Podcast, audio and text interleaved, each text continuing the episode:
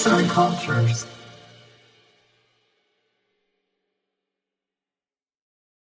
İnsanlığın harmonisinden herkese merhabalar. Ben Berfin Karakaya. Bu haftaki konumuz radyolar. Biraz nostaljik bir konu olabilir ama hala duygularımızı tarif ederken radyoları kullanıyoruz.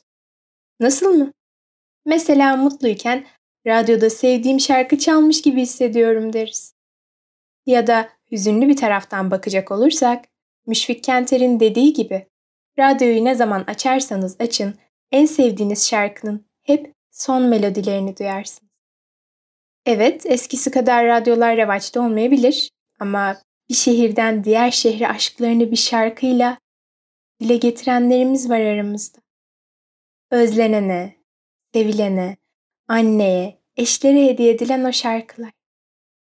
Düşündüm de keşke Tom şu an podcast'i çekerken bağlanıp zamanında hangi şarkıları kimlere armağan ettiğinizi bizlere anlatabilseniz. Ne güzel olurdu. Ya da böyle radyo ile ilgili anılarınızı, sevdiğiniz programları. Sevgili Spotify, lütfen sesime kulak verin. Geçenlerde mutfaktaki radyoyu karıştırırken bir programda sesli kitap okunduğunu duydum. Radyolarda şarkıdan başka bir şeyler de varmış meğer. Çok şaşırmıştım. Radyonun müzik kutusuna dönüşümü hakkında bir makale var. Biraz ondan bahsetmek istiyorum. Mayıs 2013'te Mihalis Kuyucu tarafından yazılmış. Türkiye'de 1926'da başlayan radyo yayınlarının günümüze kadar geçirdiği evreleri birer birer anlatıyor. Dinleyicilerin radyo program türleri ve tercihleri hakkında da bir araştırma yapıyor.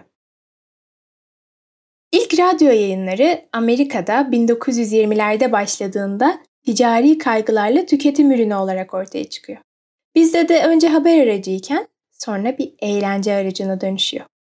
Ve en parlak dönümü aslında 40'lı 80'li yıllar arası. Bu yıllarda sadece haber ve müzik aracı değil, aynı zamanda eğitim, kültür, tartışma, spor programları gibi çeşitli programların yer aldığı bir mecraya dönüşüyor. 90'lı ve 2000'li yıllara geldiğimizde ise televizyonun etkisini görüyoruz ve bu etki radyonun popülerliğini yitirmesine sebep oluyor. E haliyle radyo işletmeleri rekabet ortamının getirdiği kurallara uyarak ticari kaygılar gidiyor.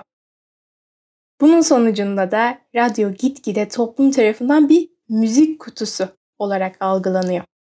Sanıyorum ki radyoda sesli kitap duyunca şaşırmam da bu sebeptendi. Annemler anlatır, e, eskiden radyo tiyatroları dinlerlermiş. Her hafta heyecanla beklerdik. Çok güzeldi diye. E aslında şimdi de podcast tiyatroları var. Yani görüyoruz ki böyle programlara bizim ihtiyacımız var. Zamana, kuşağa göre adı, şekli, içeriği de ayak uyduruyor tabii. Gelelim dinleyicilerin hangi radyo programlarını daha çok tercih ettiği konusunda yapılan araştırmaların yıllar içerisindeki değişimlerine.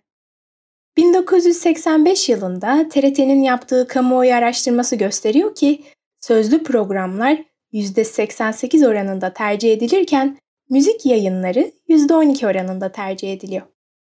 Müzik içerikli programların tercih edilmesi 1990'da %63 iken 2012'de bu oran %86'ya ulaştı.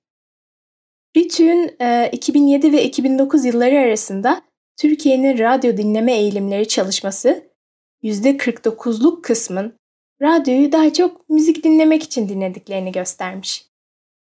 2013'te Muhallis Kuyucu'nun yaptığı araştırmada ise müzik programı tercih oranı tamı tamına %93'e çıkmıştır. Farklı yıllarda yapılan çalışmalar bize radyonun insanların tüketim anlayışına göre nasıl şekillendiğini, pasif bir araca nasıl dönüştüğünü sayısal veriler sayesinde göstermektedir. Diliyorum ki bizler yani işte 21. yüzyılın insanları daha çok radyo dinleyip onu aktif hale getirmekte yardımcı olabiliriz. Umudum bu yönde. Dinlediğiniz için teşekkür ederim.